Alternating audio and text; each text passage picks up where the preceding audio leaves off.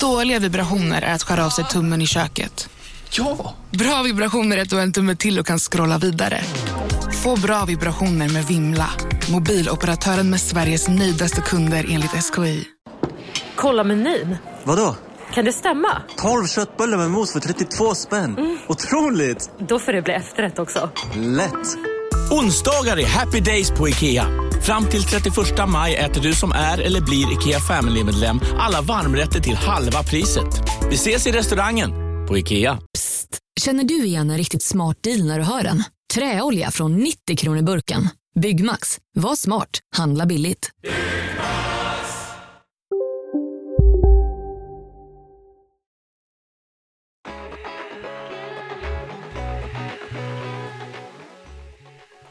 Men hej och välkomna till ett nytt avsnitt av Må bra podcast med mig Isabelle.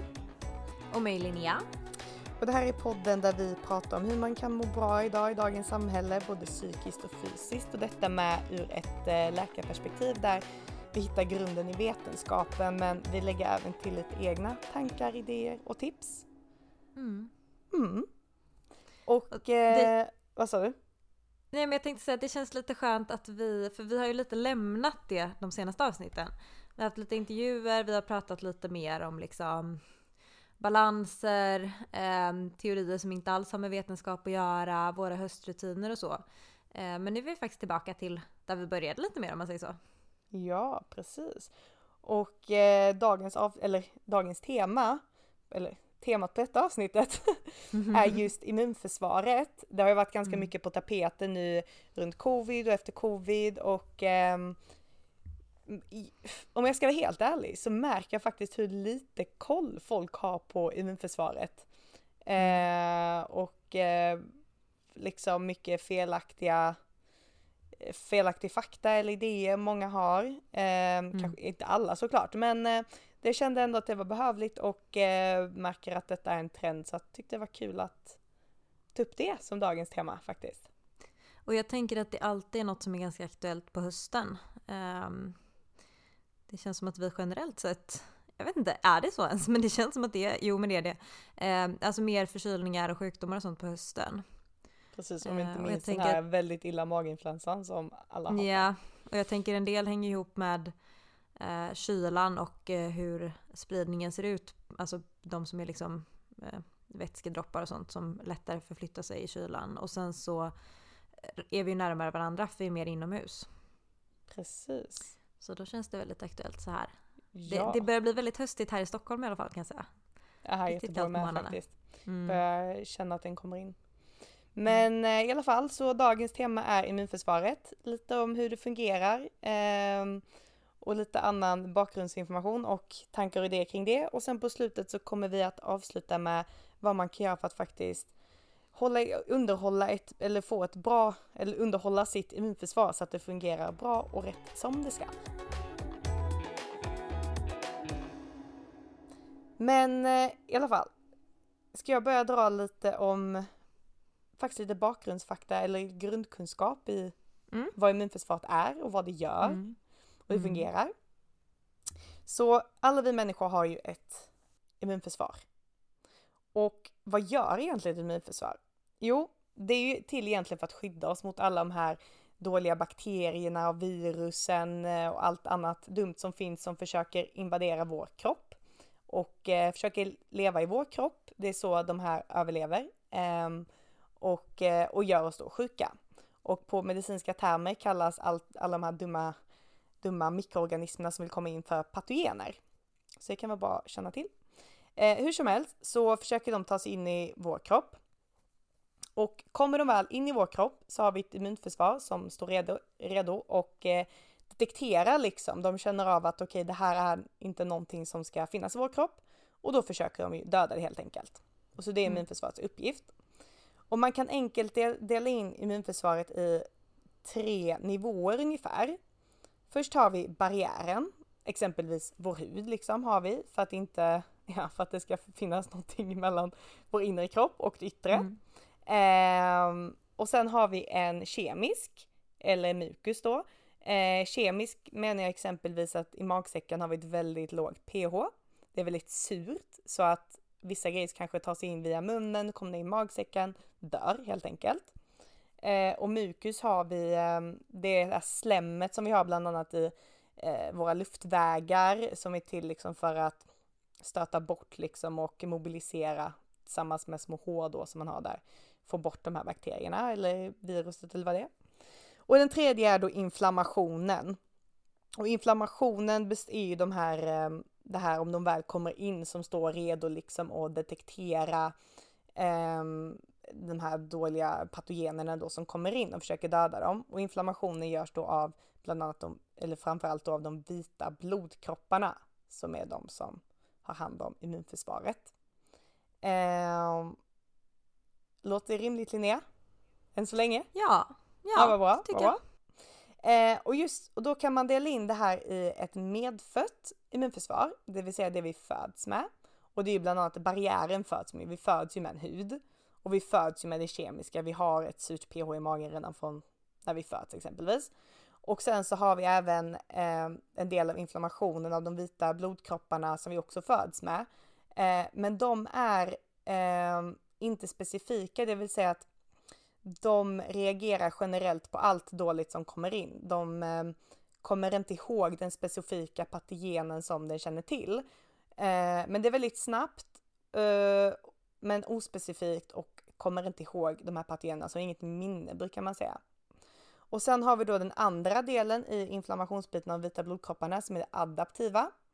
Eh, och det är det här vi får när vi växer upp och när vi exponeras för olika typer av virus och bakterier. Att man får ett, eh, och de här har då ett minne och det är specifikt. Så att om du får ett visst virus, exempelvis corona då när man har pratat om att man blir eh, att om du får infektionen exempelvis eller vaccinerar dig att du får ett, att du blir immun mot det som man säger då. Eh, och eh, det är då för att du får de här specifika vita blodkropparna som känner igen det här eh, viruset när det kommer igen och kan reagera på det specifikt. Eh, så det är så man delar in liksom de vita blodkropparna i, i grovt mått om man säger så. Men en grej som jag tänkte på Linnea innan jag går vidare som Mm. jag tänkte att du skulle få förklara som jag tror att du kan förklara bra. Men jo, eh, jag kommer ihåg min typ första termin på läkarprogrammet tror jag var. Eh, och jag märker det, för jag kommer ihåg det så väl, för det var en grej jag inte riktigt hade koll på eller riktigt hade fattat egentligen. Och jag frågade min, en av mina handledare om detta och hon, hon visste säkert vad det var men jag fattar fortfarande när hon förklarade för att det var väldigt, det var en konstig förklaring. Och jag märker nu när jag träffar, du vet så här, vad ska man säga, eh, människor som inte läser till läkare att de har inte heller så bra koll på detta. Och jag är inte förvånad för jag hade ingen aning heller. Men skillnaden mellan en inflammation och en infektion, Linnea. Ja, den kan jag. Ja, det Tack. vet jag att du kan. Men Tack det, för frågan. Det, det, nu ska jag bepröva dina läkarkunskaper. det. Men alltså det, det är verkligen så här, jag visste typ att det var, alltså många använder ju ganska synonymt och det gjorde jag också innan läkarprogrammet. Mm. Jag bara, nu ska vi bena ut det här tycker jag. Men alltså väldigt kort kan man ju säga att en inflammation eh, det är ett svar på en infektion. Eh, alltså vi, våran kropp reagerar när vi blir infekterade med en inflammation. Eh, och en inflammation behöver inte innebära att du har en samtidig infektion. Du kan ha inflammation ändå. Eh, och i liksom, praktiken så innebär det att du är Ah, om vi säger att om du har en inflammation till exempel på en arm. Eh, du är svullen, röd ehm, och det gör ont. Ehm, nu känns det som att jag minns en annan. Dålor, kolor. Värmeökning. Vad sa du? Rugor, Värmeökning. tumor. Vad sa du? Värmeökat, ökat eller vadå, Ja. vad tänkte på? Ja det sa jag inte kanske. Nej. Nej, ja men precis. Värmeökat, rodnat, eh, svullet eh, och eh, ömmande. Det är liksom att du får en ökad blodtillförsel till området och ett ökat utträde från, alltså att eh, själva blodkärlen eh, blir liksom, det blir lättare för saker från blodbanan att komma ut till vävnaden utanför, alltså ut mot, liksom mot huden om man säger så. Eh, för att du ska få dit dina vita blodkroppar och allting för att kroppen ska kunna svara på en infektion. Eh, Så att en Precis. infektion kort sagt är att bakterier har tagit sig in och liksom börjat eh, sprida sig och liksom öka, eh, ökas i antal. Eh, och inflammationen är kroppens svar på infektionen. Men du kan Precis. ha en inflammation utan en samtidig infektion. För Ja. kroppen kan reagera med den här processen utan att det fa- faktiskt finns eh, bakterier där. Precis. Så när jag pratar om de här olika nivåerna och säger att en av nivåerna är inflammation som utgörs då mycket av de vita blodkropparna bland annat då. Det är Mm. annat men nu när vi pratar om liksom just immunförsvaret här så kan man säga, säga att du får en, eh, ja men du får en influensabakterie i dig. Då är Mm. det infektionen. Men kroppen vill ju bli av med den här bakterien och då Mm. svarar det med inflammationen och det är de vita Mm. blodkropparna. Precis. Yes, ja men bra. Eh, och sen Får jag, så... får jag lägga ja. till en liten sak på det du har sagt där också bara? Mm, gör det. Ehm, jag, tänkte på, eller jag tänkte på två saker. Mm. Eh, det ena är att eh, det är ju inte alla bakterier vi vill bli av med i kroppen. Nej men vi består ju av otroligt mycket bakterier. Jag tror att om, jag minns rätt så är det väl fler antal bakterier än vad vi har antal celler i kroppen. Mm. Eh, framförallt liksom i tarmen till exempelvis. Eh, de hjälper oss med liksom matspjälkning och håller liksom igång eh, och fungerar. Eh, får våran tarm att fungera. Eh, och vårt näringsupptag och hjälper till att spjälka eh, näringen. Eh, så att vi har ju väldigt mycket bakterier överallt och vi har bakterier i oss som kanske inte gör så stor nytta men som inte heller ställer till någon skada.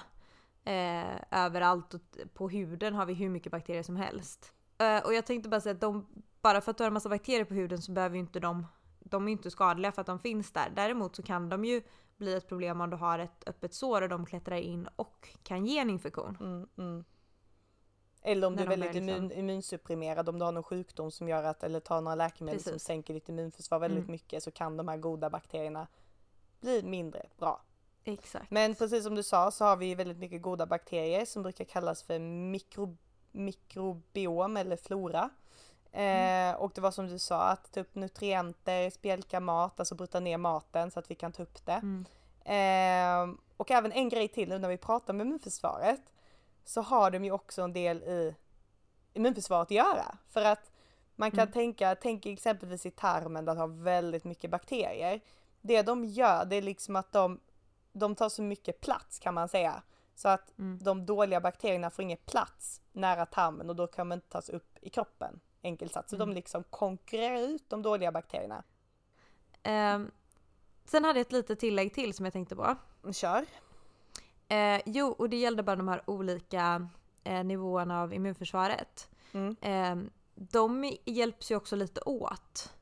Mm. Eh, jag tänkte t- framförallt på det här liksom med mukus och eh, sen själva liksom eh, vita blodcellerna. Ja. Att eh, vi har ju alltså vita blodceller och antikroppar och sånt. Det, det finns ju också i de här slemhinnorna. Precis. Eh, så det är ofta en kombination också.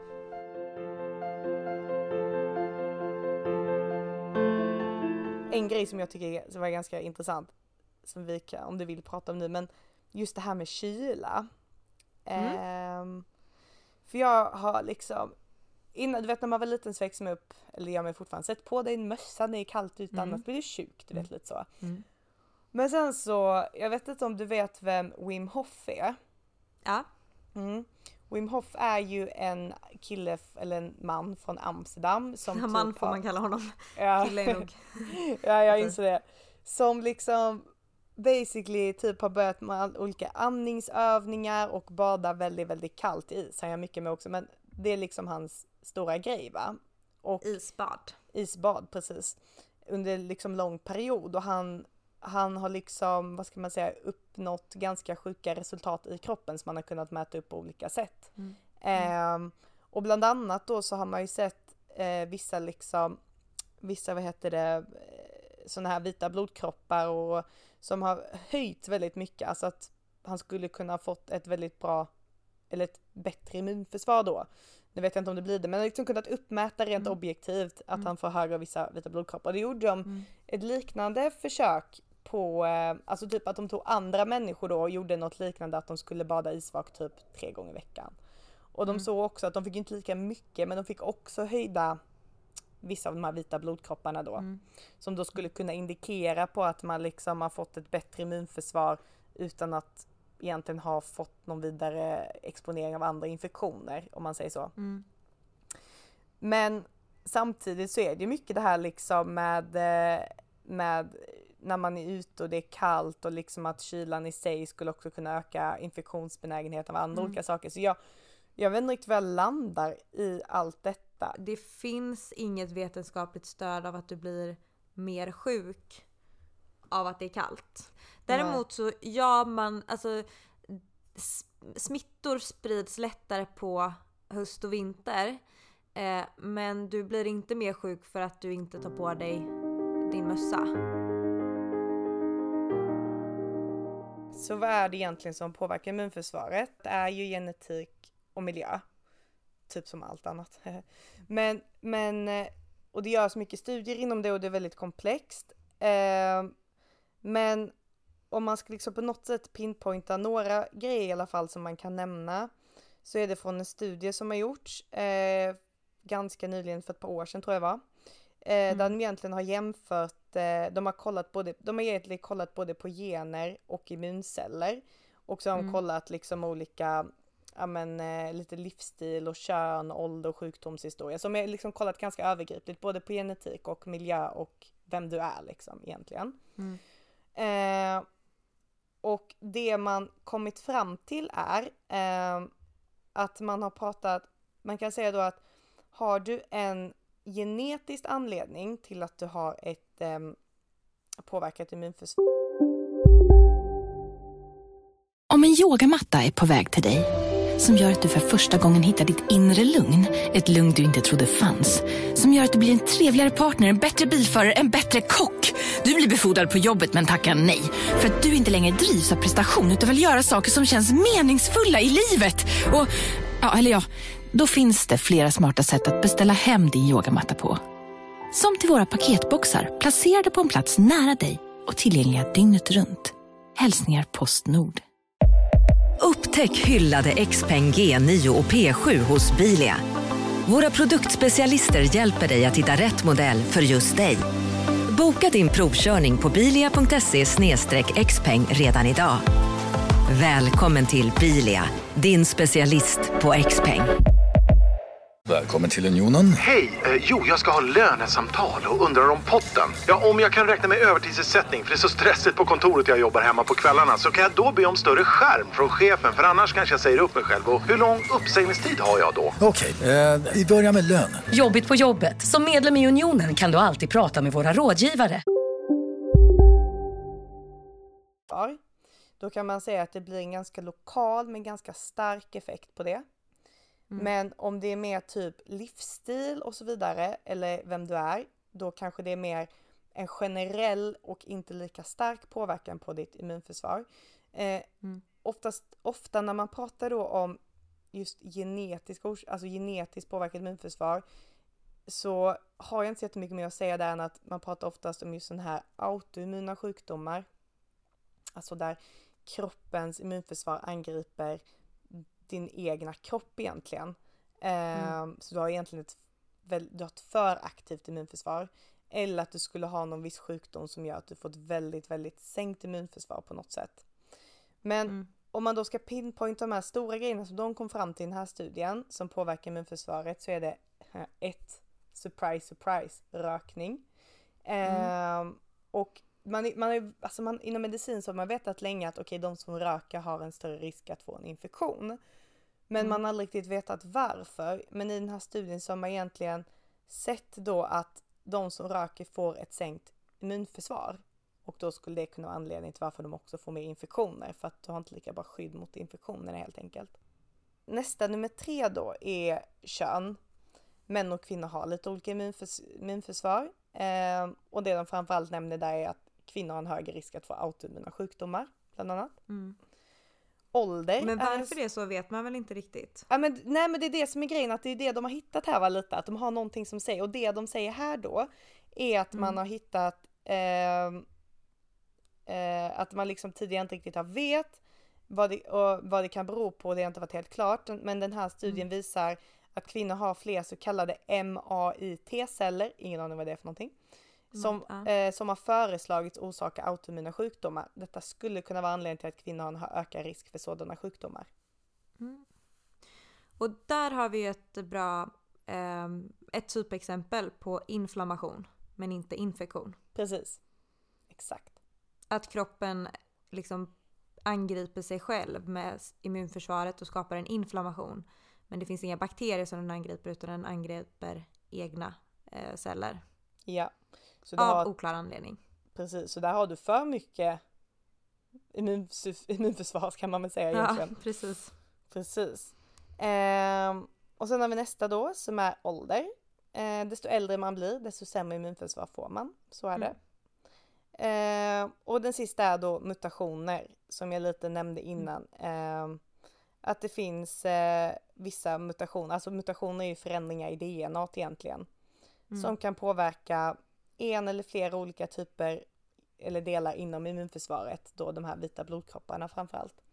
Ehm, och det var som jag sa, icke-genetiska orsaker, en mer generell men inte lika stark påverkan på immunförsvaret medan en mutation eller förändring i DNA då är mer lokal och ganska stark påverkan Mm. på de eller de cellerna som det påverkar. Mm. Ja, det var väl det jag hade att säga om det. Mm. Och där har jag lite att lägga till. Mm. Ehm, nej, men jag har läst framförallt en studie som är eh, bland annat gjord via KI eh, och Stanford om jag minns rätt. Ehm, där man har eh, gjort tvillingstudier eh, på tvillingpar eh, mellan 8 och 82 års ålder eh, med eh, 210 personer. Eh, och tittat då på liksom skillnader i immunförsvar. Då har man ju gått in på de olika delarna av immunförsvaret och hur det skiljer sig. Det tänker jag inte att jag ska gå in på sån detaljnivå. Eh, men det man kan se då är att eh, liksom genetiken, eh, som du säger, om man har en liksom påtaglig mutation som gör att du har en ehm, alltså ett sämre immunförsvar, att det är något som saknas eller inte fungerar, då är det en sak. Men i övrigt, själva ditt immunförsvar hänger inte så mycket ihop med genetiken utan majoriteten eh, beror på eh, yttre faktorer. Mm. Ehm, och ehm, då har man bland annat, jag såg att du nämnde det, eller du har skrivit upp det men jag tror inte du nämnde det nu, eh, CMV. Eh, jag glömde, nej, jag glömde nog nämna den Ja. faktiskt, det gjorde jag. Ja, det stämmer. Eh, cytomega, cytomegalovirus heter det. Eh, som är ett virus. En eh, typ av som, herpesvirus. Ja, som ofta inte ger någon svår infektion. Ehm, om man inte har liksom ett nedsatt immunförsvar. Alltså du blir inte så Eh, sjuk av det egentligen. Nej, så att oftast märker du inte av det. Du kanske har känt som någon liten liksom, förkylning eller inte känt av det alls. Ehm, och ehm, det man kunde se då, att de som har varit infekterade med CMV, ehm, där såg man liksom en väldigt stark effekt på immunförsvaret. Och då det, handlar det inte bara om eh, mot alltså just CMV-viruset, utan det handlar om själva signaleringen mellan de olika eh, delarna i immunförsvaret. Eh, Så det har, verkar ha en stor påverkan i hur vårt immunförsvar fungerar. Mm. Ganska sjukt att Ehm, man får ett bättre immunförsvar av ett virus.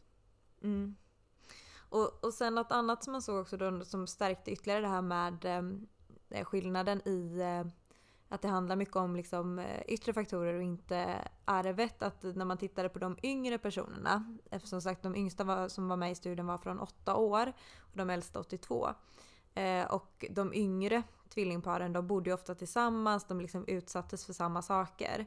Mm. De hade ju mindre skillnader i sitt immunförsvar jämfört med de som var 82 och hade bott liksom på olika håll och levt Just sina egna liv eh, Ja, längre period.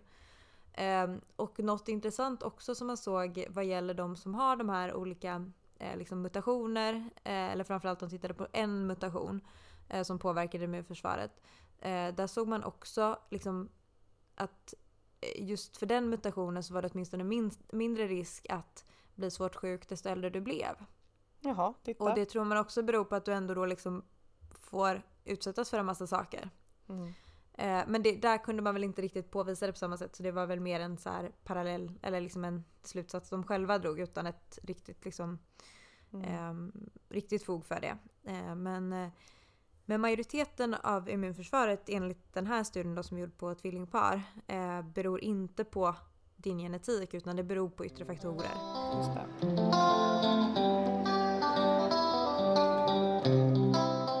Så nu det som alla har väntat på. Du, du, du, du. Vad är det egentligen man kan göra för att hålla igång sitt immunsystem försvar så att det fungerar på ett bra sätt? Och vad är det kanske man ska undvika lite för att inte göra det sämre? Så vi kan börja med det som faktiskt stärker ditt immunförsvar.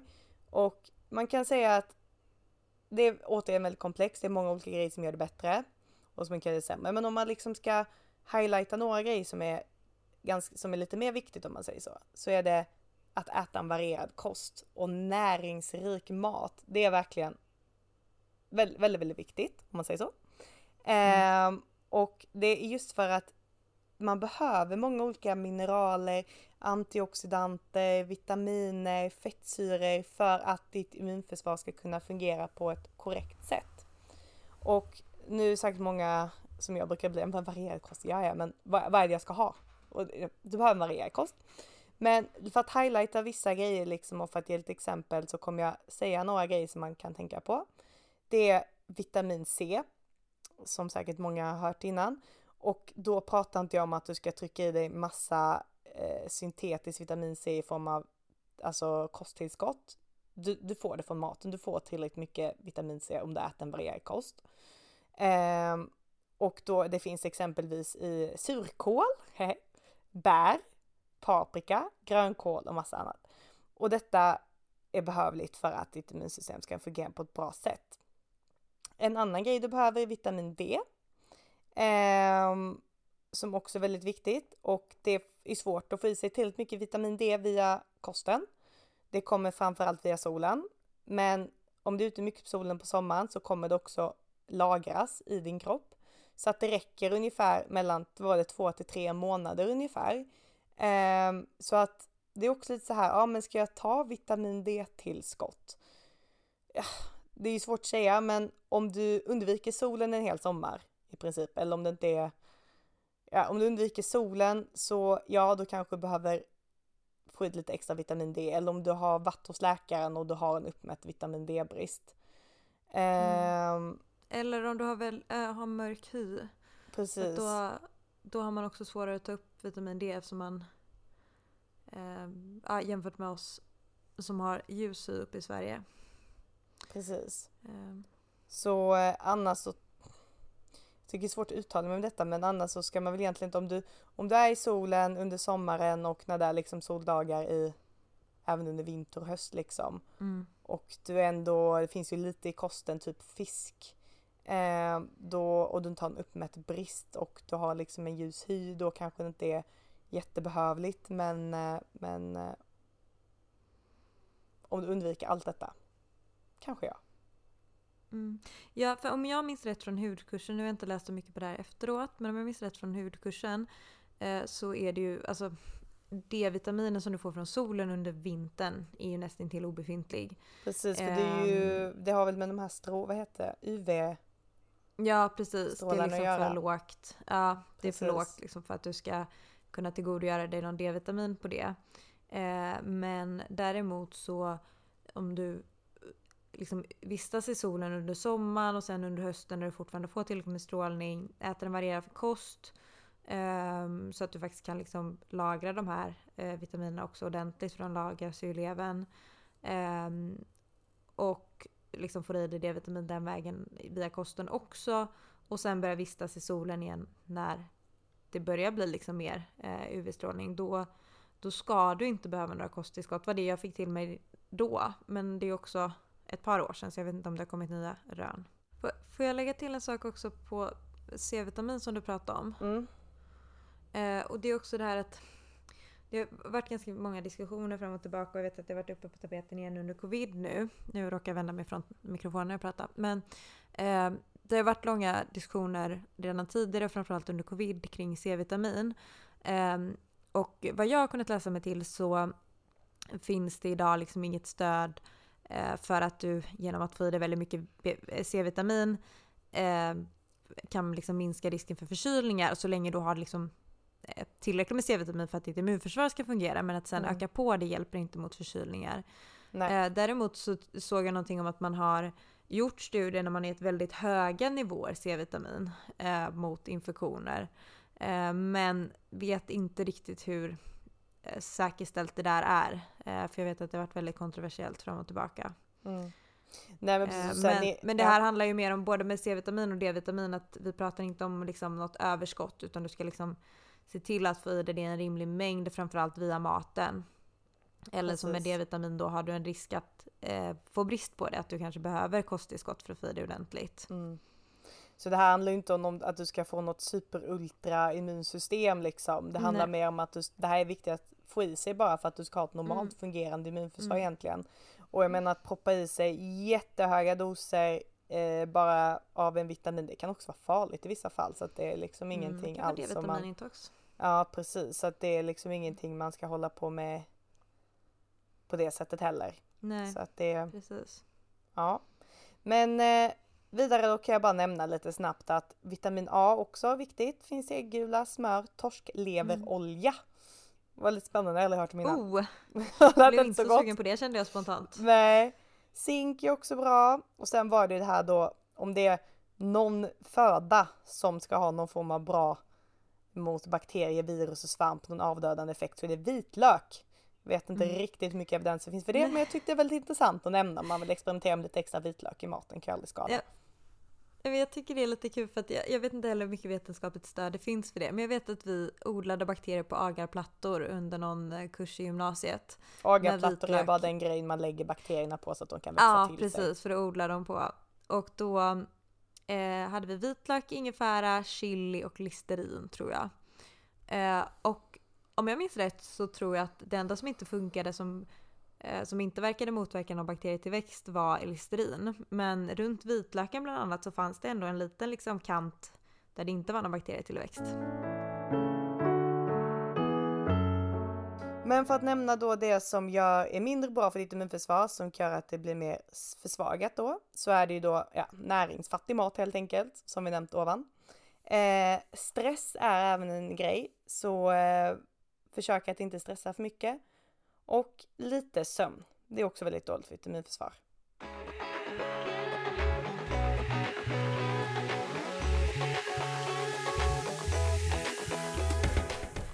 Eh, tack så jättemycket för att du har lyssnat på oss och att du följer med oss här i podden. Om eh, du vill ställa någon fråga, ta upp någonting som du tycker att vi borde ta upp här i podden eller har någon form av kritik eller vad man vill kalla det så är du jättevälkommen att kontakta oss antingen via vår Instagram där vi heter Mabra Podcast eller vår e-mail eh, mabrapodcast.gmail.com alltså må bra fast utan den lilla pricken över ået. Eh, och följ oss gärna eh, på Instagram också för att se uppdateringar dels om nya avsnitt och eh, följa med lite på ja, där vi delar lite tips och tricks kring hur vi själva hanterar stress och eh, ångest i vardagen. Eh, ta hand om dig nu och eh, må bra tills nästa gång. Puss och kram!